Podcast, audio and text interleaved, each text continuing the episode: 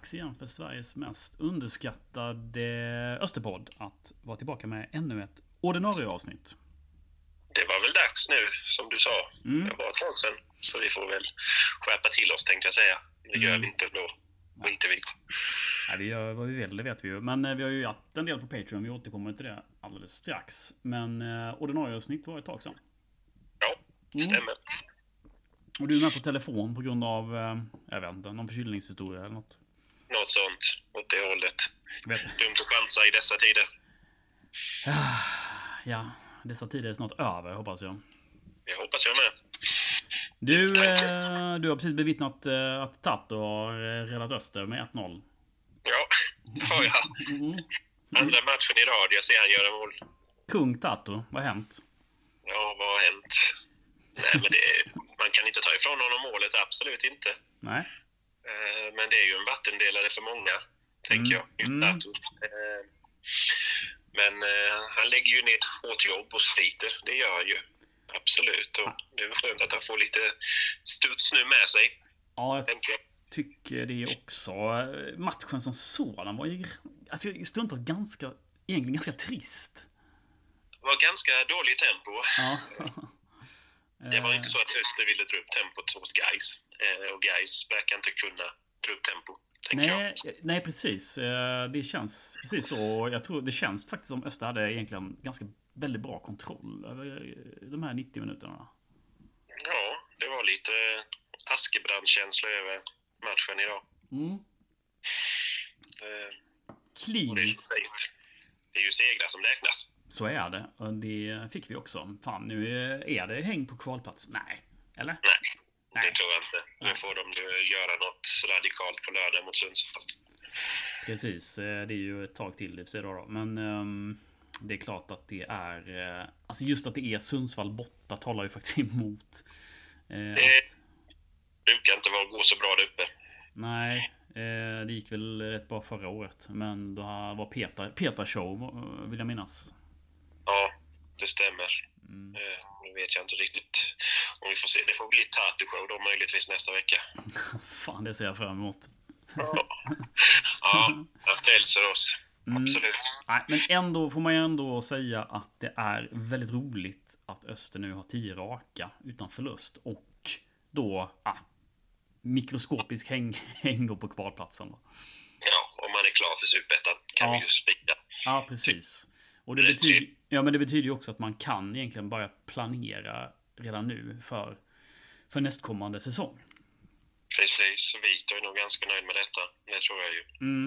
Man vet liksom vilken serie Öster spelar i och kan börja diskutera med både spelare och annat, tänker jag. Mm. Att, Ja.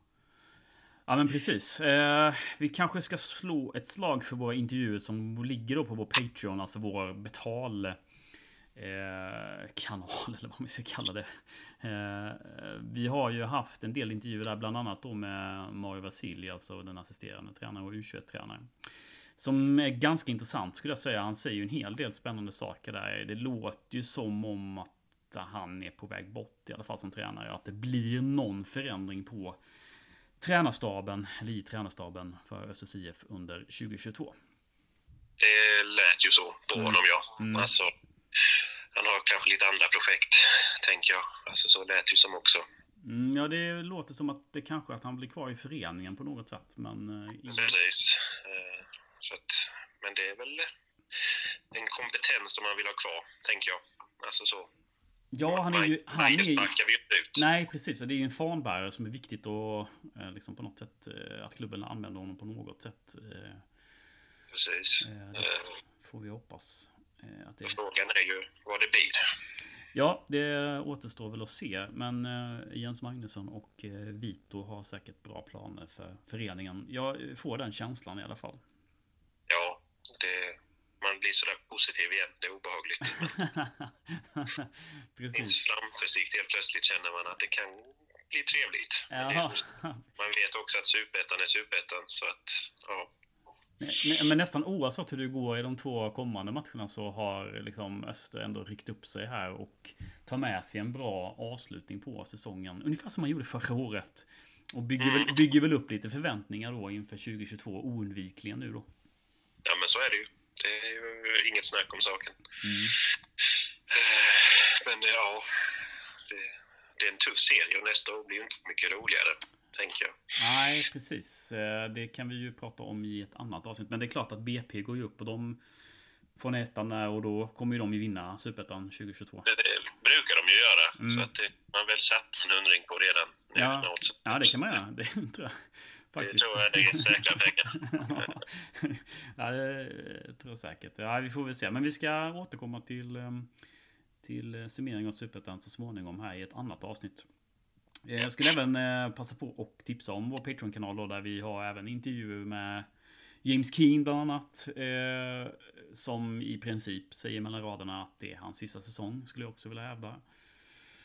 Mm, ja, det är ingen högoddsare, det tror jag inte. Nej, jag menar, han har ju artros i knät liksom. Han har ju ett liv efter fotbollen som han gärna vill, tänker jag. Eh, Absolut. liksom springa med sina barn och så. Det, det är ju så. Exakt. Ehm, men även har vi med Jonathan Drott och Damir eh, som har varit långtidsskadade här nu. Så hur de funderar kring framtiden.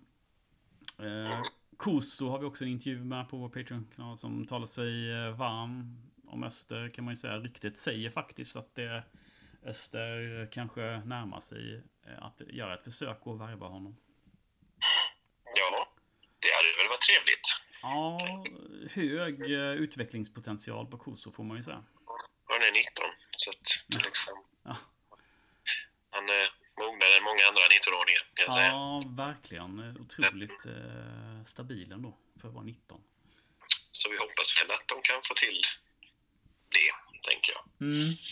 Eh, frågan är väl vem ska flytta på sig då, men det kanske är en, en eh, fråga för en annan gång också. Precis. Sen får vi väl gratulera Värnamo då, eller får vi det? Eller orkar vi det? Ja, kul för dem, tänker jag. Ja, det är ju helt... Eh, alltså det mest frustrerande i det är ju naturligtvis att folk från Växjö nu kan åka 45 minuter till eh, en allsvensk eh, ja, arena. Om de nu får spela på den, det vet jag inte. Men eh, det är helt sjukt att eh, de går upp. Ja, det blir ju så. Eh, Det är rätt konstigt, men det är sådana tider. Man är inte bättre än, än så här, Öster, tänker jag. Alltså, Nej, men är frågan är det här, alltså, man kan ju tänka på lite olika sätt. Eh, en del av mig tänker så här.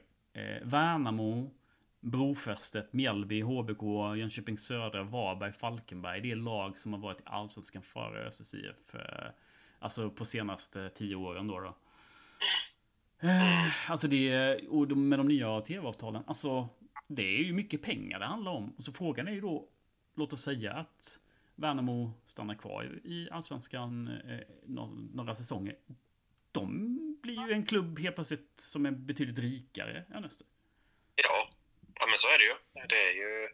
det gäller ju att ta sig upp och hålla sig kvar, tänker jag.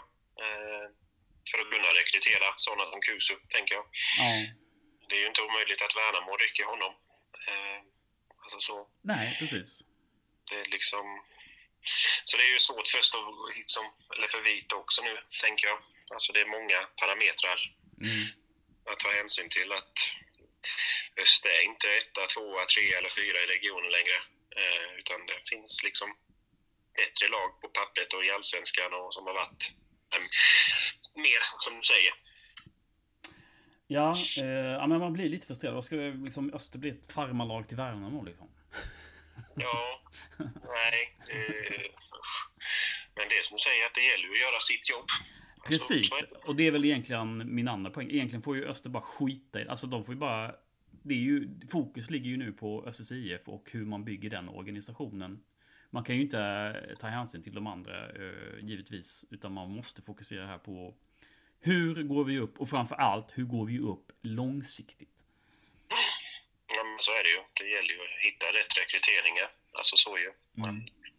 får gå på, kanske inte kan gå på första hyllan. Utan man får liksom hitta de där fynden och Mm. eh, pussla ihop något bra. Och det tror jag ändå att Jens och Vito kan lösa. Det tror jag ju. Ja, upp till bevis som vi har sagt tidigare. Eh, Ja. Det, det tror jag också. Det är ju uppenbarligen så att båda de där herrarna har väldigt bra track record. Så eh, ja, spännande tider. 2022. Nu ska vi ta oss tillbaka till det ljuva 90-talet för dagens intervju. Jag, vet inte, jag har fastnat lite med, med spelare på 90-talet känns som. Mycket tror jag för att jag själv växte upp då och ehm, eh, såg de här spelarna eh, som kanske är då eh, lite yngre grabb. Då. Det var väl sista gången, eller senaste gången Öster var etablerat allsvenskt lag med just då. Ja, precis. Vi har ju försökt att, jag vet inte, hitta anledningen till vad som har gått åt helsike sen dess. Eh, jag vet inte om vi kommer närmare svaret idag, men, men eh, det var intressant att lyssna på de här som var involverade på 90-talet och, eh, och liksom lyssna på hur harmonin var i, i, i Östers IF just då. Eh, dagens intervju är då med eh, ja, dagen till ära där Falkenberg åker ner, nämligen Falkenbergs andra tränare eh, Jonas Axeldal. Eh, han värvades till Öster 1994. Eh, och folk kanske tänker att det är en parentes liksom i Öster. Och det är det väl i mångt och mycket. Men när, när Jonas värvades till Öster så var det en riktigt stor värvning. Alltså det, var en, det var en rejäl satsning som Öster gjorde på den värvningen. Eh, och 94, för er som kommer ihåg det, så ledde ju Österallsvenskan då eh, i, i det här så kallade sommaruppehållet inför VM. Eh, så det gick väldigt bra för Öster även 94. Jag tror man slutade i sig 4-5 eller sånt där det, det året. Ja, det var något sånt. De halkade ner. Ja, ja, precis. Ehm, men ehm, det är roliga tider så att säga om man jämför med, med de eh, kommande åren sen då. Så det ju. Så att vi, jag tycker vi tar och rullar eh, intervjun med Jonas och så eh, får vi höra om hans äventyr eh, både innan och eh, före Öster också. Eh, Jonas Axeldal eh, från Holm utanför Halmstad. Ja, precis. Bodde där till jag var fyra år. Sen flyttade vi till en ort som heter Veinge. Mm. Söderut i Halland. Vad fick dig att börja spela fotboll? Ja, det var väl egentligen att ja, det hade intresse. Det var egentligen sparkat fotboll med min morfar eh, när jag var väldigt, väldigt liten. Och sen när man flyttade till Veinge då, till ett nytt samhälle med, eh, klart att det är ganska naturligt att man söker till en fotbollsklubb. Så att, eh, jag började spela redan som fyraåring där i, i eh, organiserat lag. Mm. Du är forward? Det var väl forward, ja. Ja, precis. Har, har, du alltid spelat det eller? Alltså i unga ålder spelar man lite överallt, men när du började ja, klättra nej. liksom? Nej, jag har nog alltid varit forward. Sen har man klart haft andra positioner under karriären, men eh, från start när man var yngre så var det alltid forward. Mm. Du kommer sen då till Halmstad BK? Halmstad BK, jag gick in där som eh, när jag var 17. Flyttade mm. till OK. Det var det. Och det var ju mer till deras, till deras ungdomslag det var väl egentligen jag som sökte mig dit. Jag blev kanske inte värvad utan det var mer att jag sökte mig in och ville testa på. Så det var det. Mm -hmm. Hur gick det till då? Nej, det var egentligen att eh, man har ju varit med och spelat lite på sådana här Hallandslagsuttagningar utan att komma med i Hallandslaget. Men eh, tyckte att man var ganska okej okay, så att det, det, är klart att eh, man ville prova sina vingar. Mm. Om man säger så. så.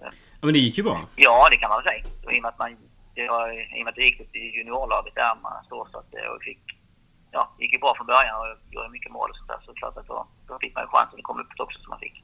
Ja, just det. Och du gör då allsvensk debut 1990? Ja, det stämmer. Stämmer. Hur minns du att springa in och göra en allsvensk debut? Ja, det var ju... Det var ju jag hade gjort, jag, jag för, så länge som jag för mig, att jag gjort några inhopp och sådana grejer. Mm. På några bortamatcher och sådana grejer. Sen, sen, men min eh, första match från start, den eh, kommer jag ihåg, för det var mot Brage på Örjansvall. Mm. Och eh, jag gör två mål i den matchen. Så det var ju ett specifikt, speciellt minne. Så det var. Ja, det... Sen så vet jag inte som... Eh, man var ganska ung och oförstörd. Så man tänkte inte så mycket. Man bara tyckte fotboll var roligt. Det var ungefär som att gå ut och spela på Vänge idrottsplats när man var efter skolan och sådana grejer tänkte man ungefär. Det var bara att gasa. Ja, du gasade rätt bra.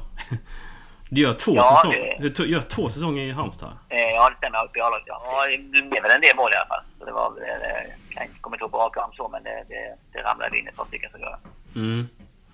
Och då är det sen så att Malmö FF får upp ögonen för dig?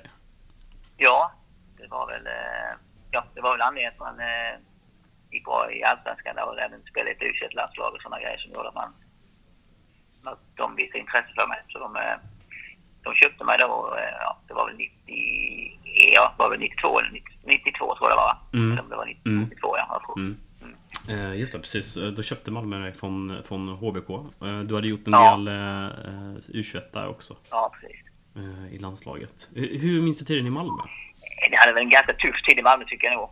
Det, hade. det var... Eh, gick väl inte så bra som man hade hoppats. Man säger så. Det var väl tuffare än man trodde komma till en stor klubb. Och gjorde väl en del mål ändå. Jag tror att jag vann. Jag var Malmö två år. Jag vann nog den interna skytteligan båda åren där så det. Men eh, Malmö som förening hade en väldigt tuff tid på det sättet att eh, vi fick inte, Malmö fick inte de framgångar som var vana vid under 80-talet, slutet på 80-talet om man säger så. Det var Mm. väl eh, en tuffare tid både med att få speltid och att det var klart att det var många bra fotbollsspelare i Malmö FF också som konkurrerade om platserna. Så det, Mm. Ja, det är klart. Eh, Men du, sen 94 då så väljer Östers IF att köpa loss det från Malmö. ja, Eh, Jag ja. minns detta som att... eh, Jag var inte jättegammal i sig, men eh, att det var en ganska stor affär för Öster. eh, Att köpa loss det från Malmö liksom. Hur, hur, Ja, ja. hur, hur, minns, hur minns du den, eh, den tiden där? Eh, ja, jag vet inga, jag vet inga summor och sådana grejer. sådär, men det är klart det var ett, det var ett intressant lag att komma till. Det var många, må, väldigt många duktiga fotbollsspelare. Som, Mm. eh, så att det var... Eh, eh, det var bara spännande egentligen tänkte jag men eh, det, så att det var väl en ny utmaning för mig att eh, försöka få en viss typ av revansch eftersom det gick tycker att det gick rätt hyfsat i Malmö, men jag tycker inte jag fick den credden eh, för det från Malmö om man säger så. Mm. Mm. Ja, Öster på den här tiden då, 94. eh, Det är ju ett eh, väldigt bra lag. Ja, vi hade väldigt, många bra fotbollsspelare och även som senare i karriären gått vidare och gjort väldigt Mm. bra karriär om man säger så. Mm. Det var ett väldigt bra lag, så det var absolut. Men hur minns du flytta, hur det var att flytta till Växjö till exempel? Eh, det är väl egentligen ingen större skillnad att flytta in i Sverige tänkte jag säga, på det sättet som man säger så. Utan det var väl, eh, det var väl, den stora skillnaden var väl egentligen att i Malmö så eh, hade man varit professionell. Mm. man säger så. Att man var bara fotboll på dagtid. Eller vi tränade på förmiddagar och sådana grejer. Medan, medan när man kom till Öster och i, till Växjö där så fick man, började man jobba också. Tränade vi lite på, senare på eftermiddagen. Så det är klart att det var, det var en stor omställning. Men samtidigt så var det hade jag varit van med det innan jag tränade, spelade i HBK också, att det var det alltid Mm. träningar innan. Så att det var, det var väl ingen jätteomställning på så sätt eftersom man varit van vid det innan. Nej men precis. Men du, du, för oss som inte var med måste säga, på den här tiden då. Skulle du, vad skulle du säga om Östers IF som klubb vid den här tidpunkten, 94? Det var, det var en ganska stark och eh, med, mm, bra klubb och eh, framförallt i gruppen eh, med bland alla spelare och, och flickvänner och så, här, så var det en eh, väldigt, väldigt bra gemenskap. Mm. Där, eh, ja, spelare och flickvänner och, och umgås, umgicks mycket tillsammans och föreningen var väl väldigt duktiga på att involvera respektive i olika engagemang och sådana grejer kring matcher och sånt där. Så det var väl Mm. en väldigt bra gemenskap i hela gruppen tycker jag. Det var. Mm. Ja men precis. Du, eh, det går hyfsat i, i Öster också. Eh, Ja, det tycker jag väl. Det går Mm. väl okej tycker jag. Vi Mm. gör, gör väl en ganska bra säsong där 94. Vi har väl, eh, jag tror vi leder väl upp allsvenskan i, eh, under VM-uppehållet där och sen Mm. så har vi lite tuffare på hösten. Så klart att det var väl ett, någonting som rann ur händerna. Jag tror vi spelade väldigt mycket oavgjorda matcher på hösten som gjorde att vi inte kunde hänga på i toppen. Så Mm. vi hamnade väl, eh, jag vet inte om vi hamnade femma, sån här typ, sånt, det år, femma, sexa kanske. Sånt. Mm. Mm. Men eh, vi tyckte väl att vi hade, jag tycker väl att vi hade bättre lag och skulle vi hamnat lite högre upp i tabellen tycker jag. Mm. Ja, eh, 95-96 eh, är väl så, sådär år för Öster. Ja, det gick lite tyngre att göra det. Men du, eh, får för dig att eh, skriva på för ett lag i Italien efter din Östersession då? Ja, precis. De, eh, eh, ja, Foggia som heter de, de köpte mig från, eh, från Öster där som jag gjorde. Det Mm. var efter eh, säsongen 96 där då. Mm. Hur funkade det på den tiden till när eh, utländska klubbar kontaktade? Hade ni agenter och sådär? Och sådär eller hur funkade det? Eh, nej, jag hade ingen agent då, utan jag hade egentligen... Eh, då var jag 26 år där, så jag tänkte väl att jag hade börjat titta lite på en civilkarriär och börjat titta på lite utbildningar och sådär genom det Mm. företag som jag jobbade på.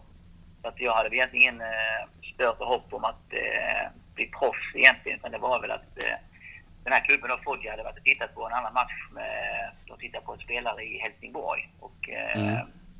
de mötte i Helsingborg och på den vägen var det att de, de tyckte att jag var mer intressant än vad den spelaren var. Så att, eh, därför så valde de att köpa mig istället. Jaha, vad spännande. Ibland så har man lite...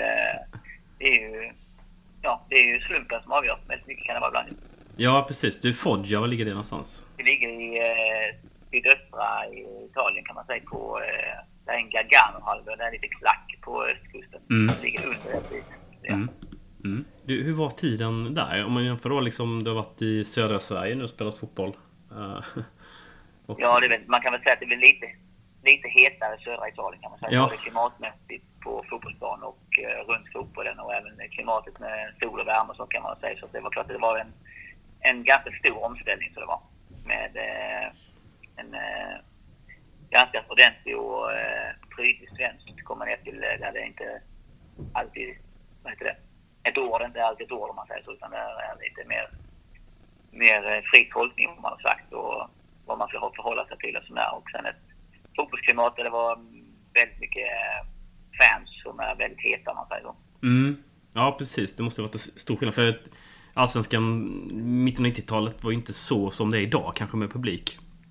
Nej, det är ju gigantisk skillnad. Ja. Det är ju absolut. Så det, det är ju fantastiskt att Allsvenskan har ryckt upp sig som de har gjort. Det är ju magiskt. Ja, ja men precis. Du, men eh, Foggia här då, då ska vi se. Eh, vad spelade de i- vid det här tillfället? Serie B.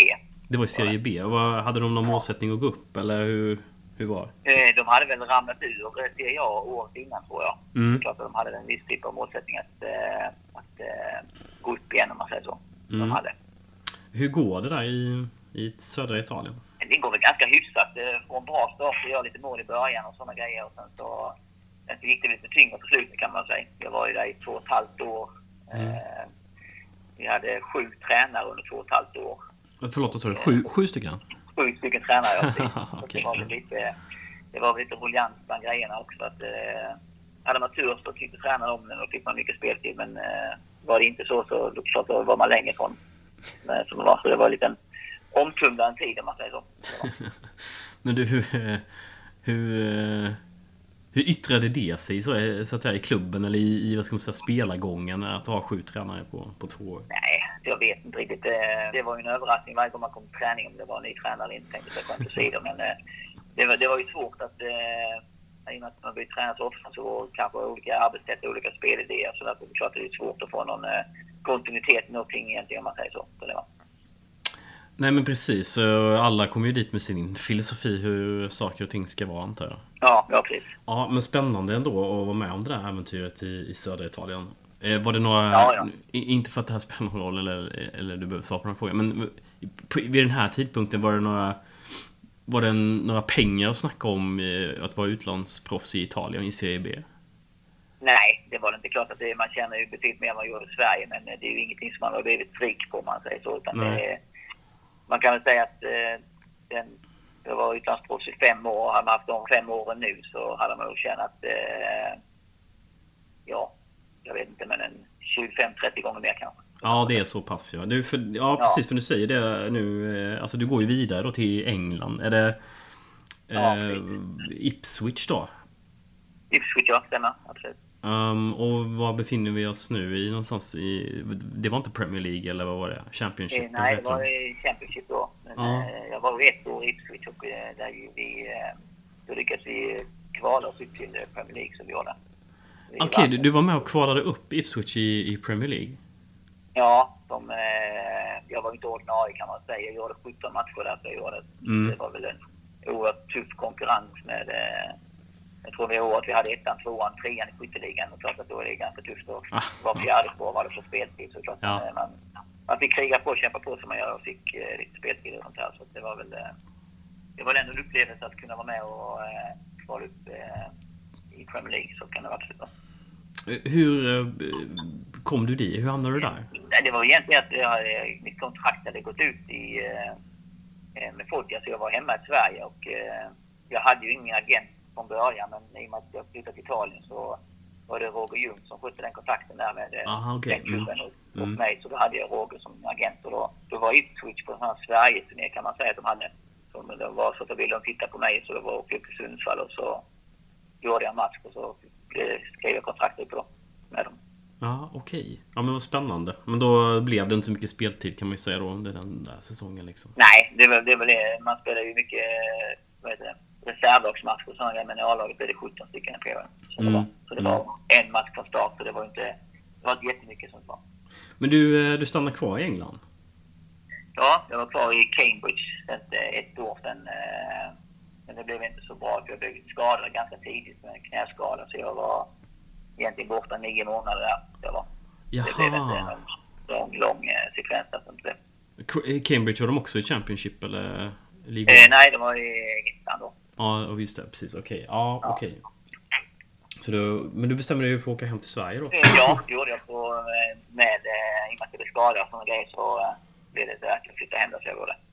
Ja precis, för det blir, då blir det BK Häcken. BK Häcken, ja. Precis. Aha, och det går ganska bra där också? Ja, det gick skedde med tycker jag. Absolut. Det gjorde det. Det var ja. väl, gick väl ganska bra. Vi, tyvärr lyckades vi inte gå upp i Allsvenskan där, så det gjorde, men ändå rätt okej. Okay. Ett år för mig där var rätt okej okay, tycker jag.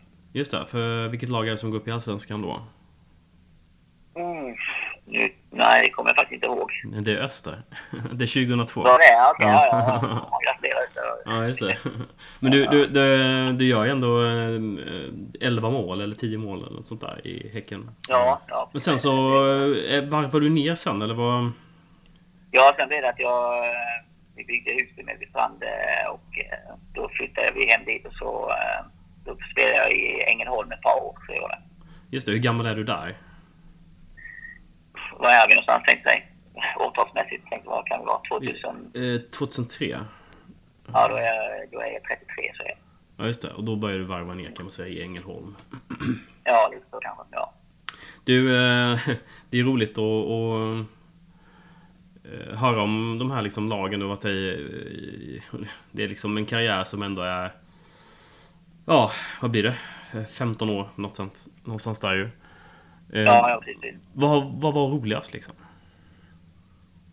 Eh, alltså det, det är ju egentligen... Eh, det är fantastiskt att kunna spela fotboll och kunna leva på det, så kan man säga. Tid, den bästa tiden tror jag rent, eh, rent trivselmässigt och spelmässigt jag tycker jag väl nästan att det är Växjö Öster. Eh, HBK är ju alltid också när man kommer fram om man säger så. Mm. Sen året i Ipswich var med fantastiskt när vi, mm. när vi laget gick så bra och gick upp i Premier League. Så det är klart att det är ju lite stora grejer som man kan minnas. Jag förstår det. Du, du var med i OS-truppen också 92, stämmer det? Ja, precis. Ja, precis. Uh, men du spelade kanske inte, eller? Eh, jo, jag spelade i matcher där. Så ja, ah, du gjorde det? Som inhoppare. Som ja. inhoppare alla tre, så ja. Ja, precis. Hur, hur var, hur var du med ett olympiskt spel?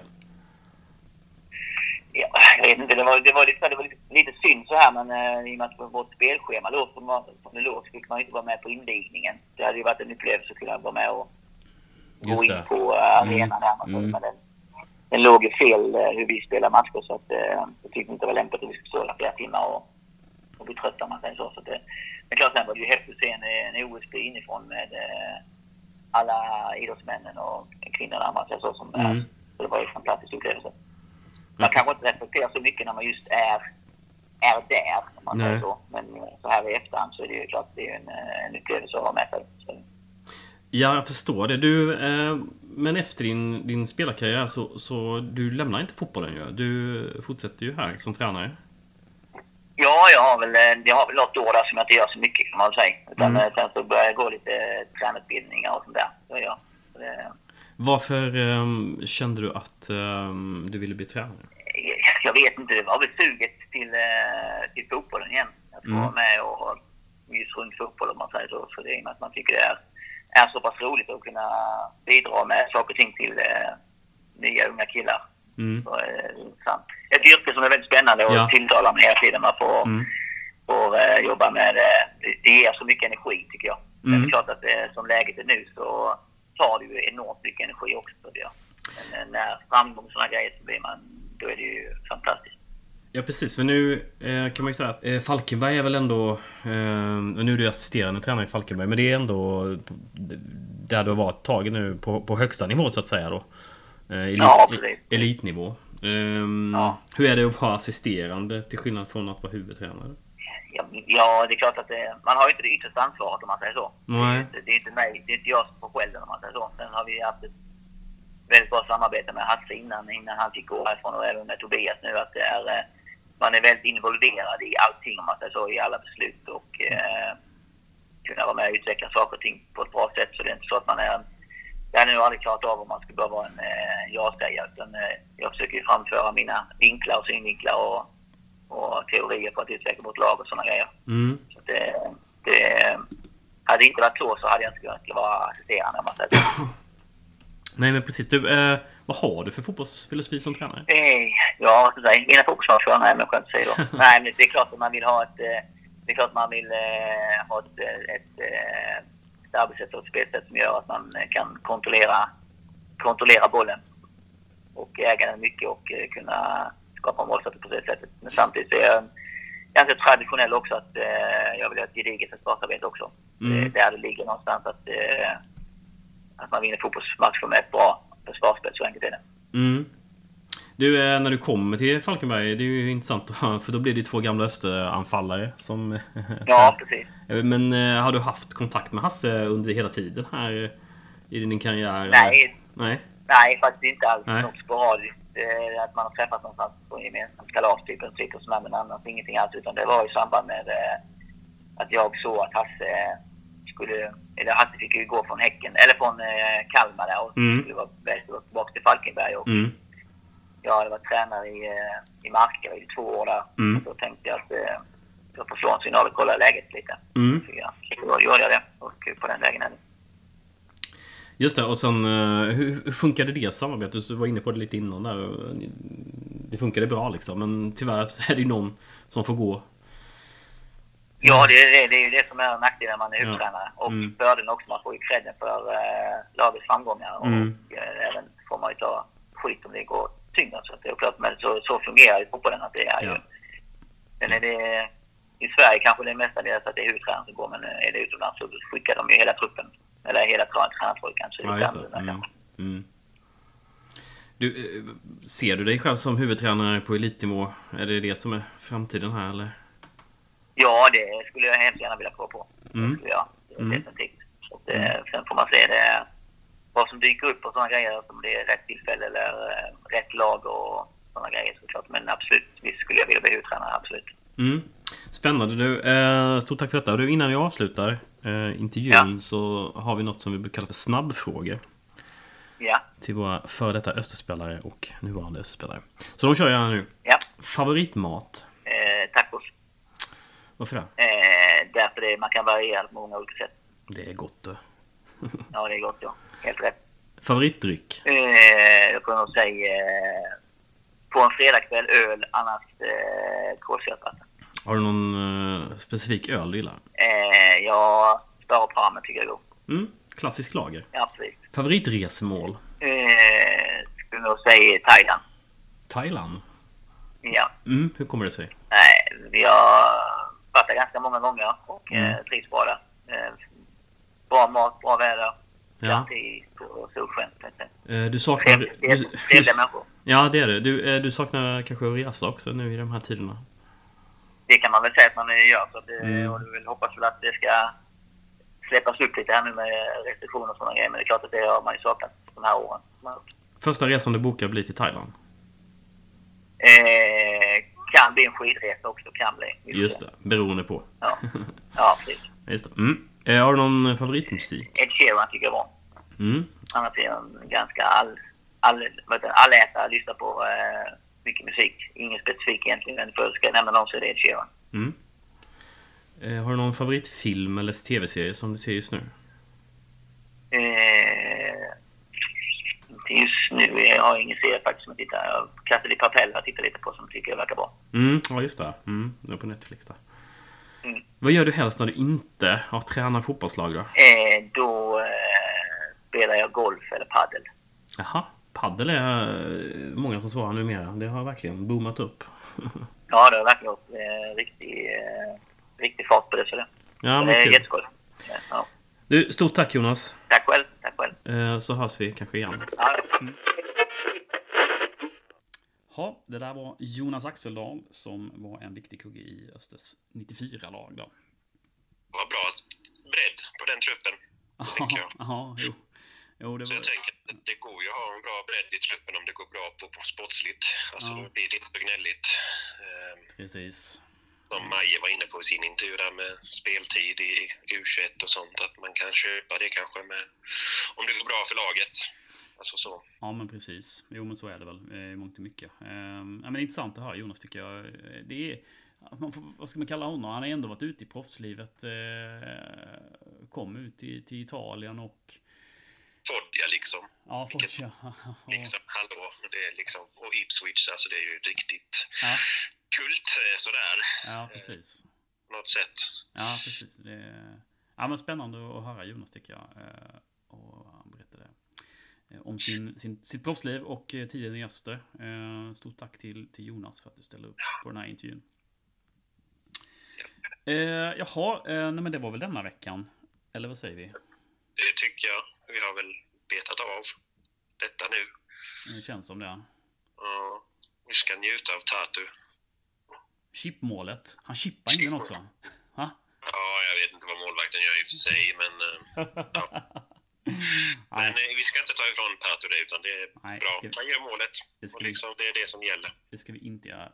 Härligt, tycker jag. Ehm, bli gärna Patreon. Eh, det är där det händer, tänkte jag säga. Nej, men det är där vi har våra extraintervjuer. Med intervju... I månaden så får man ju ett, rätt många intervjuer, Ja, tänker jag. 10 kronor, ja, precis. Ehm, jag tror att den här intervjun med Maja är nog 40 minuter. Eh, så det är bara bra material där. Tycker jag. Mm. Ja, men, eh, vi tackar för att ni lyssnade och så på återhörande ganska snart igen tror jag.